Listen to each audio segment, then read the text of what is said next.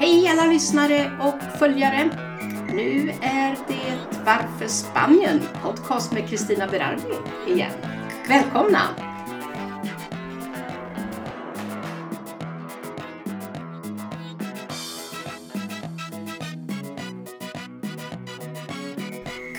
Jag tänkte faktiskt fortsätta på temat om hur det är i en urbanisation eller ett kvarter som vi kan säga.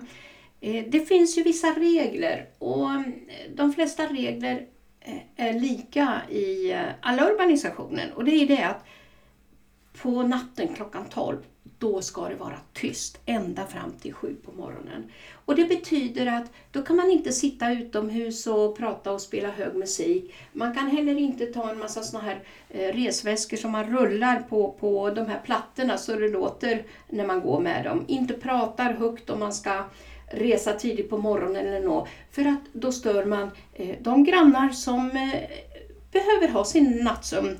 Eh, ja, hur som haver så ibland glömmer man ju bort det här. Va? Men det är viktigt att respektera de reglerna. Precis likadant gäller det här med poolerna. Att bada i poolen. Från klockan sju på morgonen till klockan 22.00 får man vara i poolen och bada, men inte däremellan.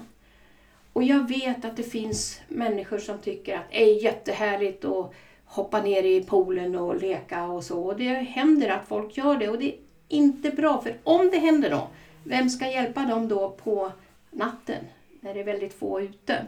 Så det här är viktiga saker tror jag för oss alla att tänka på.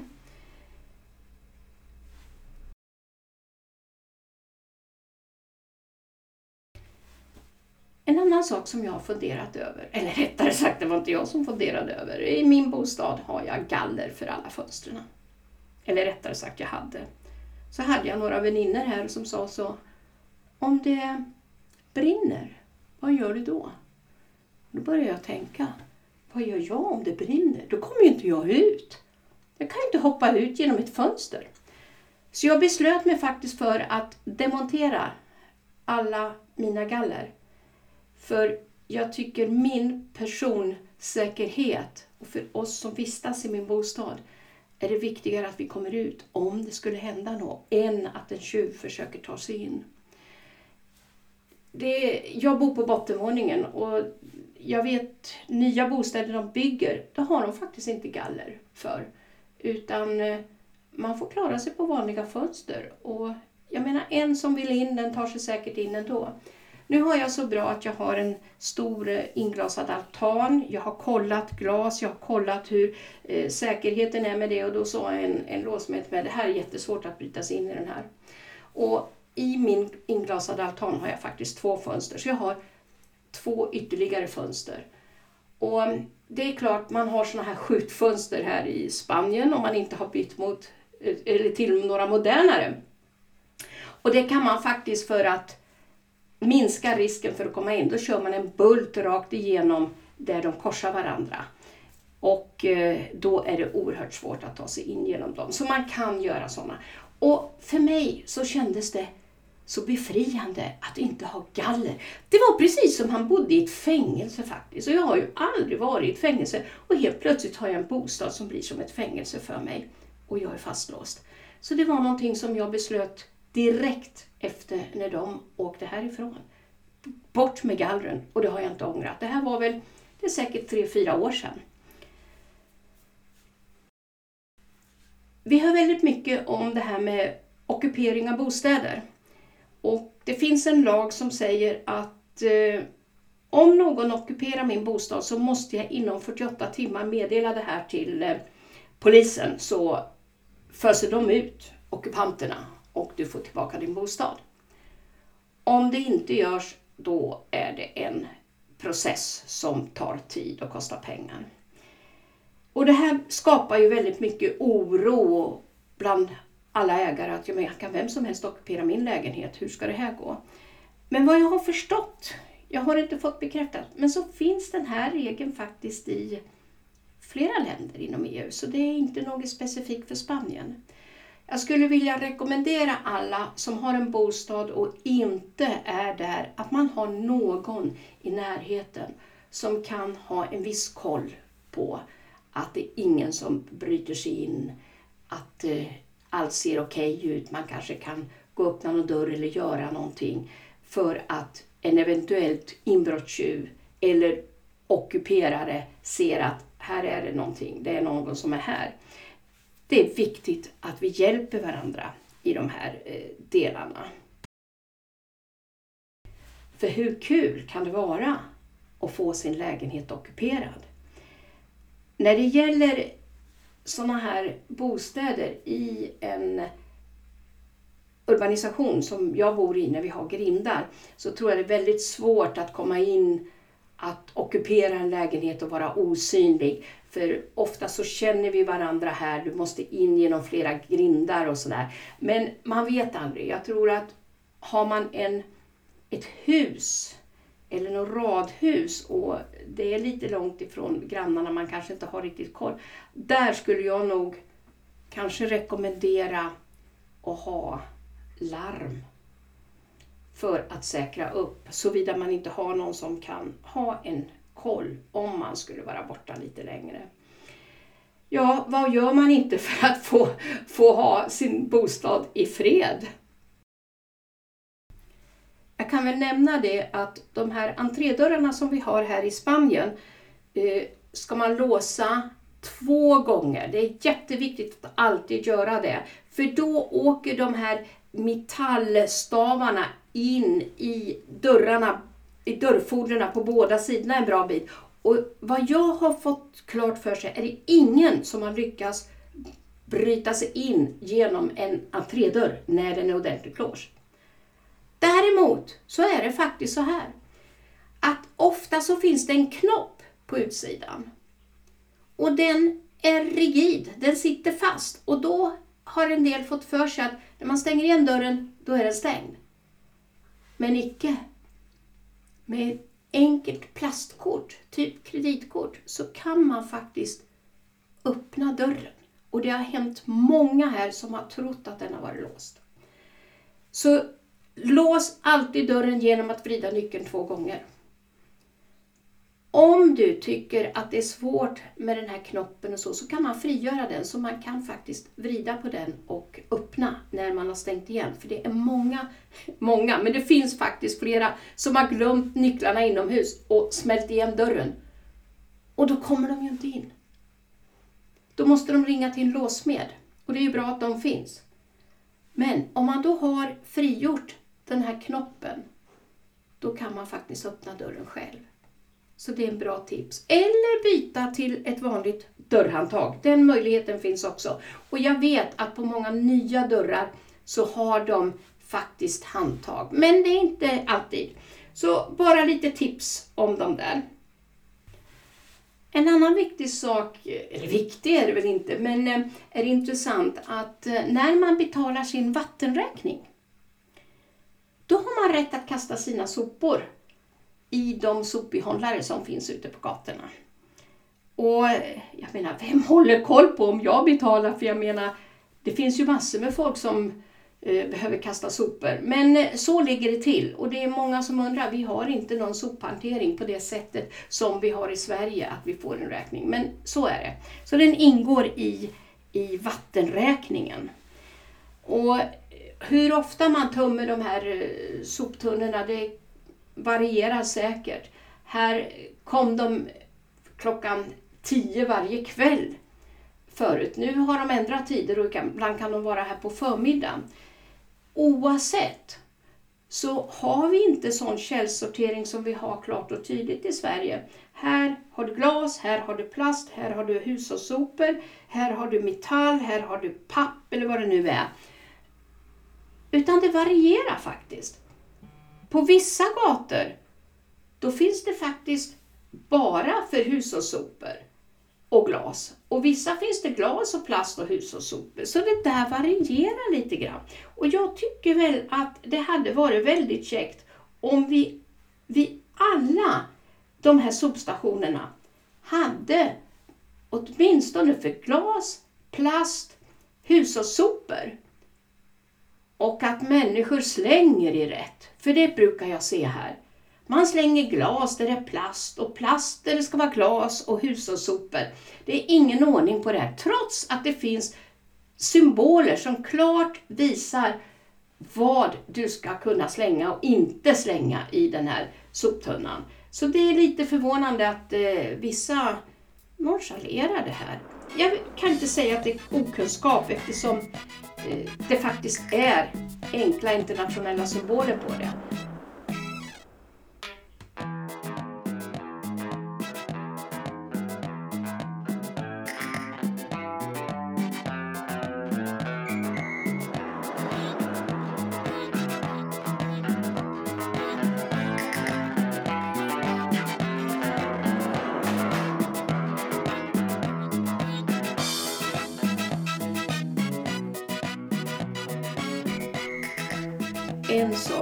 Man ofta råkar ut för här i Spanien, tyvärr, det är vattenläckage.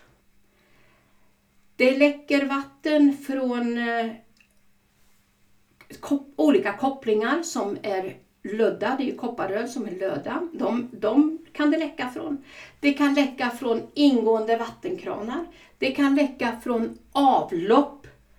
Och det kan också läcka från vattenledningsröret från mätaren in till bostaden. Och du har ingen aning om det, för du ser inte det.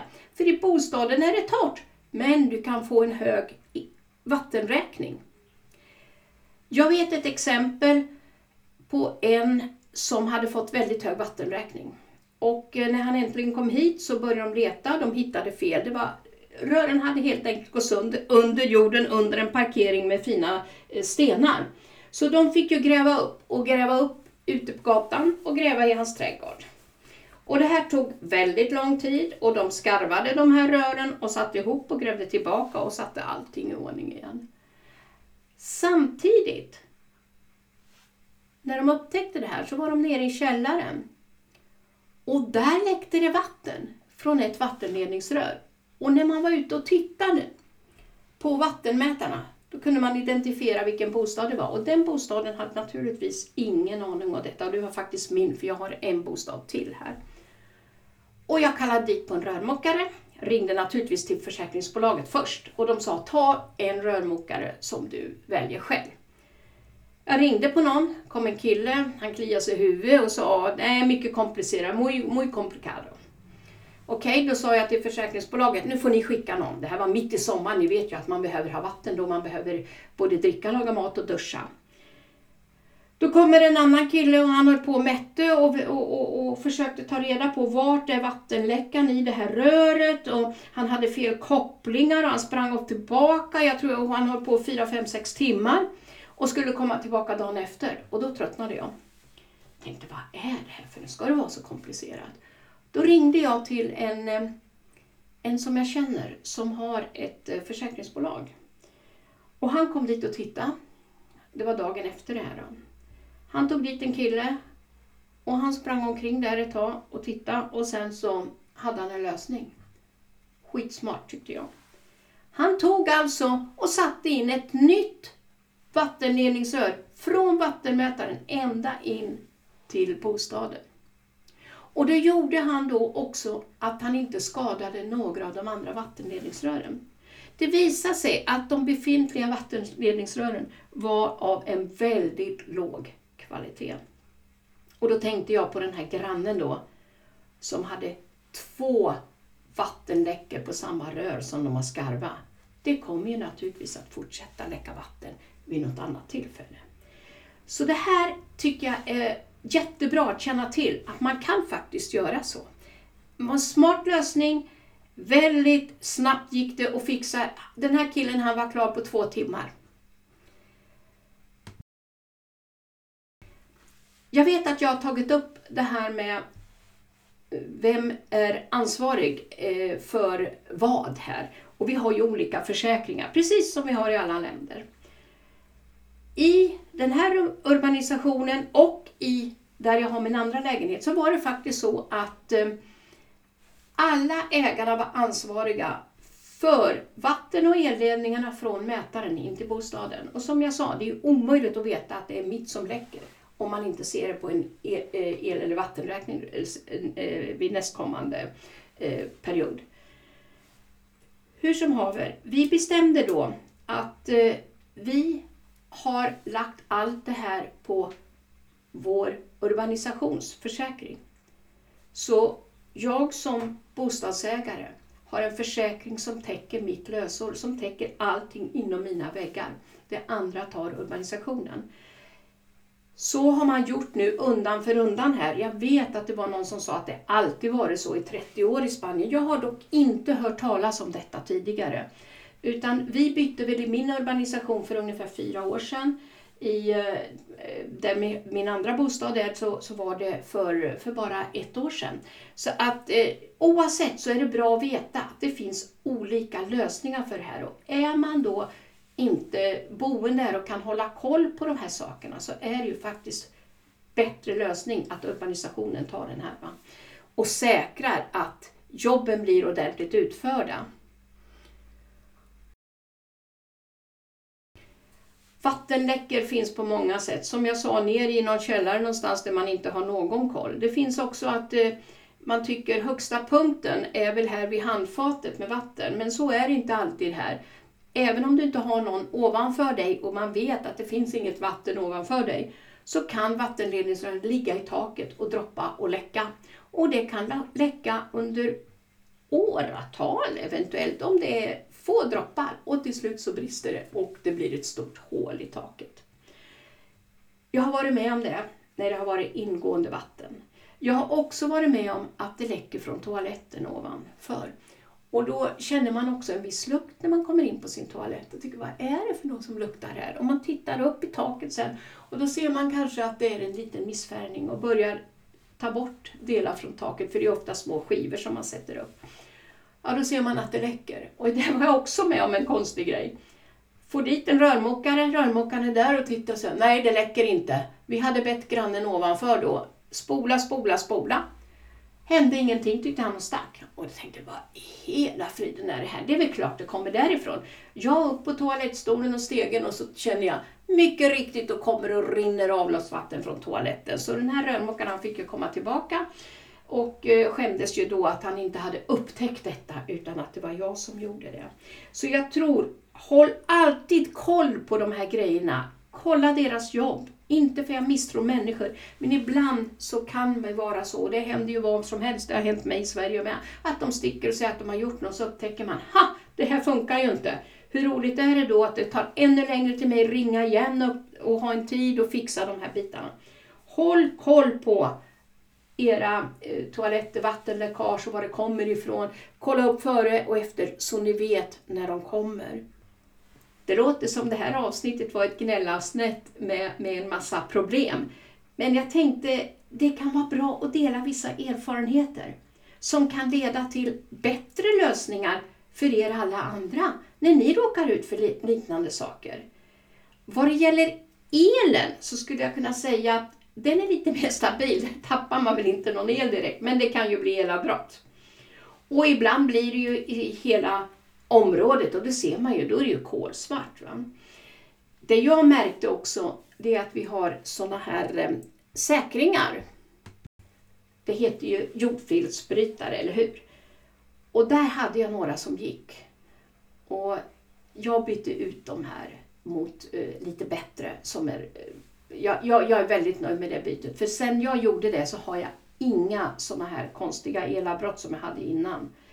Och det är väl så, man tar billiga material. Jag har jobbat med, med en del stora företag inom det här så jag köpte faktiskt med, med ett känt brand och jag har varit väldigt eh, lyckligt lottad efter det. Inga problem med elen. Men el kan orsakas av någonting annat, någon kabel grävs av eller någonting händer och sånt där.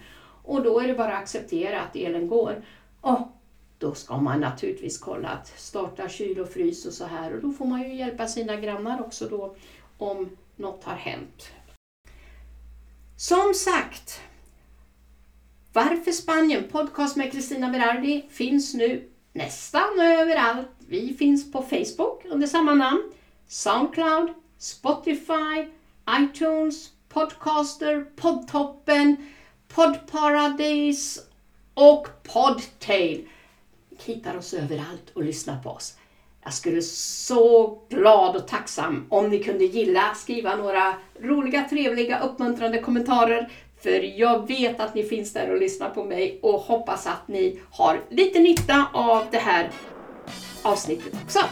Vi hörs nästa vecka igen. Hej då!